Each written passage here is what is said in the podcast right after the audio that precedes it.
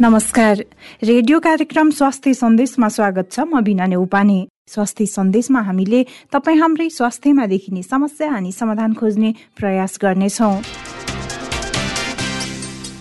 Radio candid बयानब्बे दशमलव सात मेगा हर्जमा कार्यक्रम स्वास्थ्य सन्देश तपाईँले हाम्रो website W W W dot radio candid dot com हाम्रो आधिकारिक फेसबुक पेज रेडियो क्यान्डिडको एप्स डाउनलोड गरेर तथा पोडकास्टमा समेत सुन्न सक्नुहुनेछ।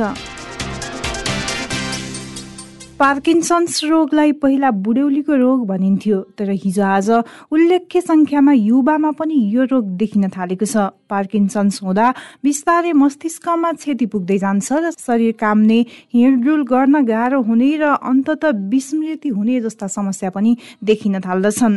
हाल उपलब्ध उपचार पद्धतिले लक्षण व्यवस्थापन गर्न सक्छ। मस्तिष्कको कोष मर्दै जाँदा रोगीको स्थिति झन गम्भीर हुँदै जान्छ। कुनै औषधिले पनि यो रोग सन्चो हुँदैन जसको लक्षण बिस्तारै र निकै समयपछि देखा पर्दछ। यसमा बिरामीको मोटल स्किल्समा असर पर्दछ किनभने यो रोगमा केन्द्रीय स्नायु प्रणाली नै प्रभावित हुन्छ। यसलाई मुभमेन्ट डिसअर्डर पनि भनिन्छ। अधिकांश यो समस्या वृद्ध अवस्थामा हुन्छ तर यो रोग कम उमेरका मानिसमा पनि देखिन थालेको पछिल्लो तथ्याङ्कले देखाएको छ। एक तथ्याङ्क अनुसार यो रोगबाट विश्वभर एक करोड भन्दा बढी मानिस प्रभावित बनिसकेका छन्। विज्ञहरू यसको लागि जेनेटिक प्रमुख कारण मानेका छन्। त्यसैले आजको स्वास्थ्य सन्देशमा हामी यसै विषयमा केन्द्रित हुँदैछौँ। विशेष गरी त हातले रेस्टमा राखिरहँदा अथवा काम नगरिरहँदा चाहिँ कामले र काम गर्न लाग्दा चाहिँ त्यो कम्पन कम हुने। त्यो भयो भने त्यो पार्किन्सनको लक्षण हुन्छ। त्यस्तै गरी उहाँहरू पटक पटक लड्न पनि सक्नुहुन्छ। हिँड्दा हिँड्दै उत्तिने लड्ने लगायतका कुराहरू भयो भने त्यसलाई चाहिँ पार्किन्सन हामी बुझ्छौँ। कार्यक्रम सुरु गरौँ आजको जानकारीबाट। आजको जानकारीमा हामीले पार्किन्सन्सको बारेमा नै जानकारी दिँदैछौँ। पार्किन्सन्स कस्तो खालको समस्या हो भनेर जानकारी दिँदै हुनुहुन्छ साथी माधव तिमल सिन्हा। मांसपेशीको लचिलोपन कम भएर शरीर राम्रोसँग नचल्ने स्थितिलाई पार्किन्सन्स भनिन्छ। सामान्यतया बुढेसकालमा लाग्ने यो रोग विशेष गरी साठीदेखि पैँसठी वर्षको उमेरमा हुने गर्छ। तिन सय वर्ष पहिला डाक्टर पार्किन्सन्सले यो रोग व्याख्या गरेका थिए। विश्वमा झण्डै पचास लाख भन्दा बढी व्यक्तिमा यो समस्या रहेको अनुमान गरिएको छ। यो रोग महिलाको दाजोमा पुरुषमा दुई गुणा बढी लाग्ने सम्भावना रहेको अध्ययनले देखाएको छ। विशेष गरी वृद्धावस्थामा यो समस्या देखिने भए पनि तिसदेखि चालिस वर्षका व्यक्तिहरू पनि पीडित भएका पाइन्छन्। नेपालमा यस रोगका बिरामी कति छन् भन्ने तथ्याङ्क छैन। यस रोगमा मस्तिष्कको कार्यमा गडबडी आई मांसपेशीको गतिमा अवरोध हुन्छ। मस्तिष्कमा भएको स्नायु कोषले डोपामाइन नामक महत्वपूर्ण रसायन उत्पादन गर्ने गर्छ। यसले मस्तिष्कमा आवश्यक सङ्केत तथा निर्देशन पठाई शरीरका विभिन्न भागका मांसपेशीको गति नियन्त्रण गर्ने काम गर्छ। साधारण अवस्थामा मस्तिष्कबाट प्राप्त निर्देशन अनुसार मांसपेशीको गतिमा नियन्त्रण भई शरीरका विभिन्न अङ्गले सन्तुलित कार्य गर्न सक्छन्। तर पार्किन्सन्स भएपछि स्नायुकोष निष्क्रिय हुने भएकाले डोपामाइन रसायन बन्न सक्दैन। यसले गर्दा व्यक्ति सुस्त हुँदै जाने काम गर्न नसक्ने सिधा उठ्न नसक्ने हातखुट्टा काफ्ने मांसपेशीको लचिलोपना कम हुने तथा बाउडिने भिडुल गर्न नसक्ने वा लड्ने लेख्ने क्षमतामा कमी हुँदै जाने स्वरमा परिवर्तन हुने खाना सर्कने आदि समस्या आउन सक्छ। यो समस्याबाट देखिने लक्षण पनि व्यक्ति अनुसार फरक फरक हुन सक्छ। कसै कसैमा सामान्य प्रकारको मात्र लक्षण देखिने हुन्छ। तर कसैमा जटिल प्रकारको समस्या हुन्छ र व्यक्ति निष्क्रिय जीवन व्यतीत गर्न बाध्य हुन्छ। मुख्य रूपमा मस्तिष्क स्नायुकोषको खराबीका कारण पार्किन्सन्सको समस्या हुन्छ। तर टाउकोमा लागेको चोटपटक वंशाणुगत लगायत कारणले गर्दा पनि यो रोग हुन सक्ने अध्ययनले देखाएको छ। विशेषगत हातखुट्टा थरथर काँप्ने मांसपेशीको लचिलोपना कम हुने शरीरको गतिमा कमी आउने हिँड्न गाह्रो हुने शरीरको सन्तुलन कायम राख्न गाह्रो हुने अनुहारको मांसपेशी कडा हुने यस अवस्थामा देखिने लक्षण हुन्। यी लक्षण बाहेक चिन्ता वा तनाव बढ्ने स्मरण शक्ति घट्दै जाने धेरै वर्षदेखि कब्जियत हुने मुख सुक्खा भई निल्न गाह्रो हुने सुग्ने क्षमतामा कमी हुँदै जाने जस्ता अन्य लक्षण समेत देखिन सक्छन्। यो रोग के कारणले भएको हो भन्ने हालसम्म पनि निक्रेल हुन सकेको छैन। यस विषयमा अनुसन्धानहरू भइरहेका छन्। विशेष गरी जेनेटिक कारण कसै कसैलाई केमिकलका कारणले हुने गर्छ। प्राय पार्किन्सन्स हुने बिरामीका कारण पत्ता लागेको छैन। त्यसकारण यसलाई इडियोप्याथिक पार्किन्सन्स डिजिज पनि भनिन्छ। पार्किन्सन्स सँगसँगै कसै कसैलाई डिमेन्सिया बिर्सने समस्या पनि हुने गर्छ। सामान्यतया बुढेसकालमा लाग्ने रोग भएकाले यसलाई सामान्य रूपमा हेरिएको पाइन्छ। किनभने वृद्धावस्थासँगै हातखुट्टा काँप्ने हिडुल गर्न नसक्ने स्मरण शक्ति कम हुने जस्ता लक्षण हुनाले यसलाई सामान्य रूपमा लिएको पाइन्छ। तर यो एक किसिमको रोग हो भन्ने धेरैलाई थाहा हुँदैन। यो रोग पूर्ण रूपमा निको हुँदैन। यसका लागि औषधि नै प्रमुख उपचार भए पनि बिरामीको दैनिक भोजन पोसिलो एवं सन्तुलित हुन नितान्त आवश्यक हुन्छ। पार्किन्सन्सको बारेमा जानकारी दिँदै हुनुहुन्थ्यो साथी माधव विमल सिन्हा। रेडियो क्यान्डिड बयानब्बे दशमलव सात मेगा हर्जमा कार्यक्रम स्वास्थ्य सन्देश। तपाईँले हाम्रो website W W W dot radio candid dot com हाम्रो आधिकारिक फेसबुक पेज रेडियो क्यान्डिडको एप्स डाउनलोड गरेर तथा पोडकास्टमा समेत सुन्न सक्नुहुनेछ। बुढ्यौली अवस्थामा हात खुट्टा काम्ने पिडौला दुख्ने हुन्छ। यसलाई स्वाभाविक मान्न सकिन्छ। यद्यपि उमेर नपुग्दै यस्तो खालको समस्या देखियो भने त्यसलाई स्वाभाविक या सामान्य मान्न हुँदैन। संसारभरि झन्डै एक करोड मानिसमा पार्किन्सन्स रोग भएको आकलन गरिएको छ। यो संख्या बढ्दै जाने विज्ञको अनुमान पनि रहेको छ। पार्किन्सन्स रोगलाई बुढ्यौली अवस्थामा लाग्ने रोग भनेर मानिन्थ्यो तर हिजो आज उल्लेख्य रूपमा युवा पुस्तामा पनि देखिन थालेको छ। यो रोगलाई कुनै पनि औषधिले निको पार्न सकिँदैन तर एआई प्रविधिमा भएको विकासले पार्किन्सन्स रोग को लक्षण निवारणको लागि उपचार पनि गर्न सकिने चिकित्सकले बताएका छन्। त्यसैले आजको स्वास्थ्य सन्देशमा हामी यसै विषयमा केन्द्रित भएर कुराकानी गर्दैछौँ। कुराकानी गर्नको लागि हामीसँग हुनुहुन्छ प्रोफेसर तथा ज्येष्ठ नागरिक रोग विशेषज्ञ डाक्टर रमेश गणेल। स्वागत छ डाक्टर साहब स्वास्थ्य सन्देशमा। हजुर धन्यवाद। अहिले चाहिँ अब यो मे महिना पार्किन्सन्स अवेरनेस मन्थ भन्नुभएको छ डाक्टर साहब होइन? अब खासमा यो पार्किन्सन भनेको चाहिँ कस्तो खालको ओके। यो पार्किन्सन भनेको नि विशेष गरी ज्येष्ठ नागरिकहरूलाई लाग्ने स्वास्थ्य समस्या हो। यसमा चाहिँ मानिसको हिँड्ने क्षमता काम गर्ने क्षमता चाहिँ ढिलो ढिलो हुँदै जान्छ। जस्तै हामीले बाटोमा पनि देखिरहेको हुन्छ कुनै मान्छे छोटो छोटो पाइला गरेर अलिक छिटो हिँडे जस्तो गर्ने हातहरू नचलाउने अगाडि यस्तो झुकेर हिँड्ने छिटो हिँड्ने गरेको चाहिँ उनीहरूलाई पार्किन्सन भएको हुन्छ। यो चाहिँ हाम्रो यसले हाम्रो शरीरको जुन मस्तिष्क हुन्छ मस्तिष्कको हाम्रो यो मुभमेन्टहरू हिँडाइहरू कन्ट्रोल गर्ने सेन्टरलाई चाहिँ असर गर्ने रोग हो। यो चाहिँ नसा सम्बन्धी रोग हो। यसमा चाहिँ के हुन्छ शरीरमा एउटा डोपामिन भन्ने तत्त्व हुन्छ। त्यो डोपामिन भन्नेले चाहिँ जुन मस्तिष्कको हिँडाइ कन्ट्रोल गर्ने सेन्टरमा काम गरिरहेको हुन्छ। विभिन्न कारणवश त्यो कम हुँदै गएर हिँडाइमा असर देखिन थाल्यो भने चाहिँ त्यसलाई पार्किन्सन भनिन्छ। अब यसका लक्षणहरू चाहिँ अब हामीले कहिलेकाहीँ मैले लक्षण कस्तो हुन्छ भनेर सोध्नै लाग्छ हजुरले आफै निकाल्नु ओके। यसका लक्षणहरू चाहिँ जो बुवा आमा हजुरबा हजुरआमाले पहिल्यैदेखि काम गरिरहनु भएको छ अब त्यो काम गर्न उहाँले एकदम ढिलो हुने उहाँको हिँडाइ चाहिँ एकदम ढिलो हुने बिस्तारै बिस्तारै हिँड्ने अनि कस्तो हुन्छ एकतिरको हात चाहिँ काम्ने है विशेष गरी त्यो हातले रेस्टमा राखिरहँदा अथवा काम नगरिरहँदा चाहिँ कामले र काम गर्न लाग्दा चाहिँ त्यो कम्पन कम हुने। त्यो भयो भने त्यो पार्किन्सनको लक्षण हुन्छ त्यस्तै गरी उहाँहरू पटक पटक लड्न पनि सक्नुहुन्छ। हिँड्दा हिँड्दै उत्तिने लड्ने लगायतका कुराहरू भयो भने त्यसलाई चाहिँ पार्किन्सन भन्दा हामी बुझ्छौँ।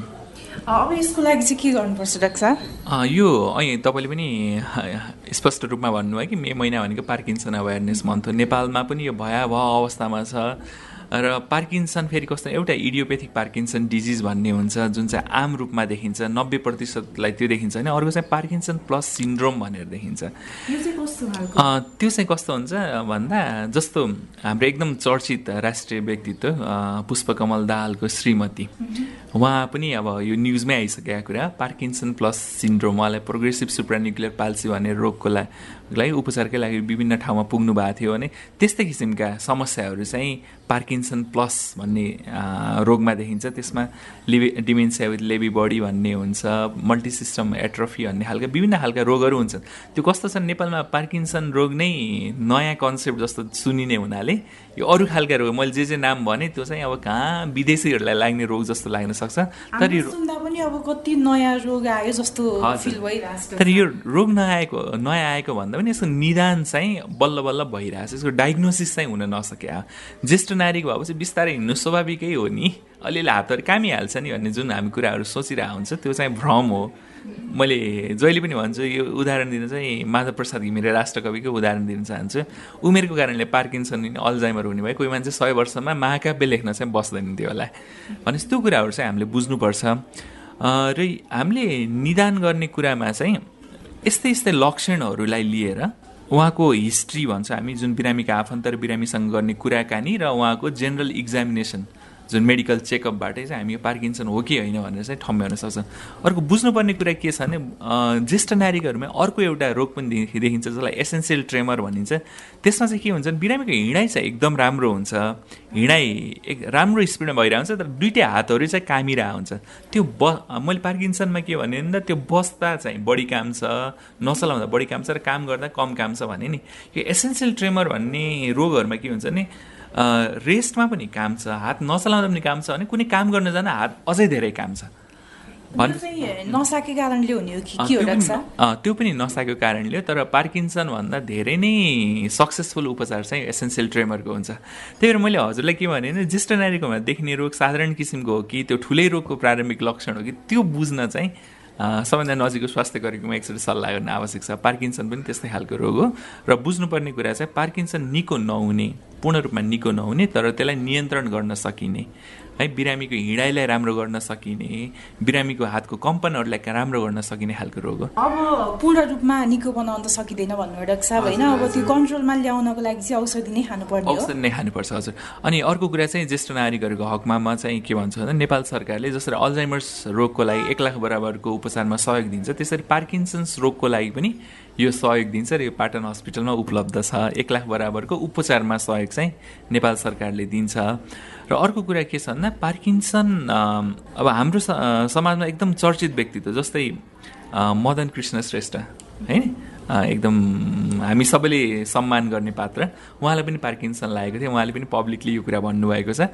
कस्तो हुन्छ भन्दा पार्किन्सन सुरुमा सुरुवाती अवस्थामा चाहिँ हामीले औषधिबाटै यसको उपचार गर्ने। तर जब कुनै औषधिले काम गर्न छोड्छ अथवा औषधिका साइड इफेक्ट त्यसको इफेक्ट भन्दा पनि साइड इफेक्ट बढी देखिन्छ। त्यसपछि हाम्रो एउटा जसरी हामी मुटुमा एउटा पेसमेकर राखे जस्तै दिमागमा पनि एउटा पेसमेकर जस्तै चिज राख्न मिल्छ। त्यसलाई डिप ब्रेन स्टिमुलेसन भन्छ।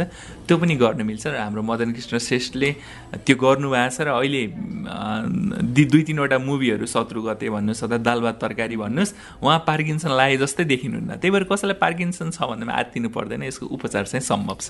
दिमागमा राख्न पनि मिल्छ भन्नुभयो डाक्टर साहब। होइन त्यो चाहिँ एकचोटि राखेपछि सधैँको लागि हुने हो कि के त्यसको सर्टेन टाइम स्प्यान हुन्छ दसदेखि पन्ध्र वर्षसम्म हुन्छ। त्यसपछि त्यसलाई जसरी हामी मुटुको प्रेस मेकरहरू केही समयपछि चेन्ज गर्नुपर्ने हुन्छ। त्यसरी नै त्यो पनि त्यसको विभिन्न मेकानिजमहरू हुन्छ त्यही हिसाबले चाहिँ चेन्ज गर्नुपर्ने हुन्छ। त्यो अब पाटन अस्पतालमा अस्पतालमा राख्न सकिने हो कि जुन कुनै अस्पतालमा पनि राख्न सकिन्छ?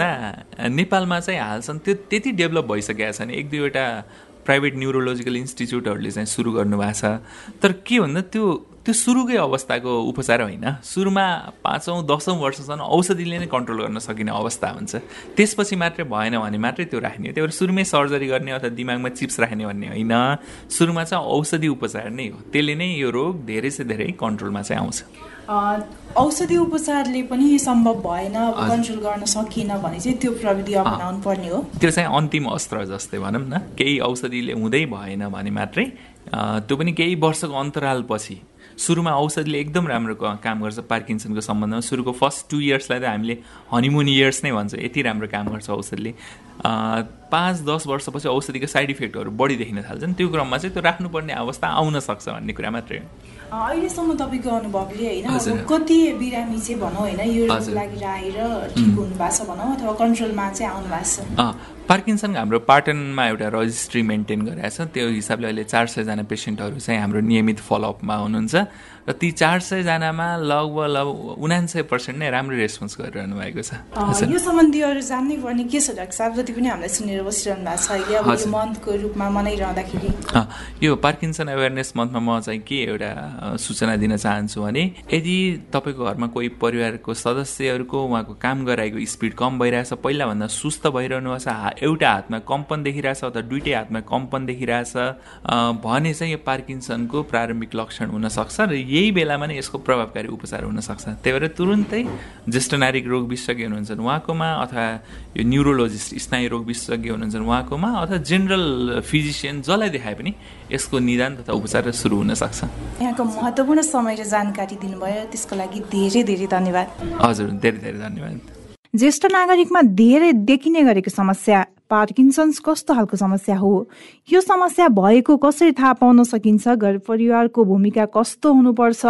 घर परिवार तथा आफन्तले यो समस्या भएका व्यक्तिसँग कस्तो व्यवहार गर्नुपर्दछ? कस्तो भूमिका खेल्नु पर्दछ र उनीहरूको हेरचाह कसरी गर्नुपर्दछ? के के कुरामा ध्यान दिनुपर्छ भनेर जानकारी दिँदै हुनुहुन्थ्यो ज्येष्ठ नागरिक रोग विशेषज्ञ डाक्टर रमेश कँडेल।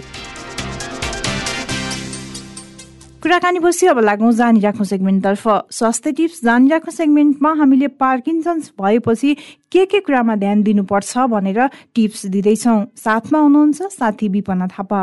पार्किन्सन्स भइसकेका बिरामीलाई विशेष गरी लड्नबाट बचाउनु पर्छ यसकारण कोठाहरूमा ठोक्किने ठाउँहरू राख्नु हुँदैन। भित्ताहरू तथा भुइँमा बाक्लो म्याट तथा अन्य वस्तु राख्न सकिन्छ। शौचालय जाँदा विशेष ध्यान दिन आवश्यक हुन्छ।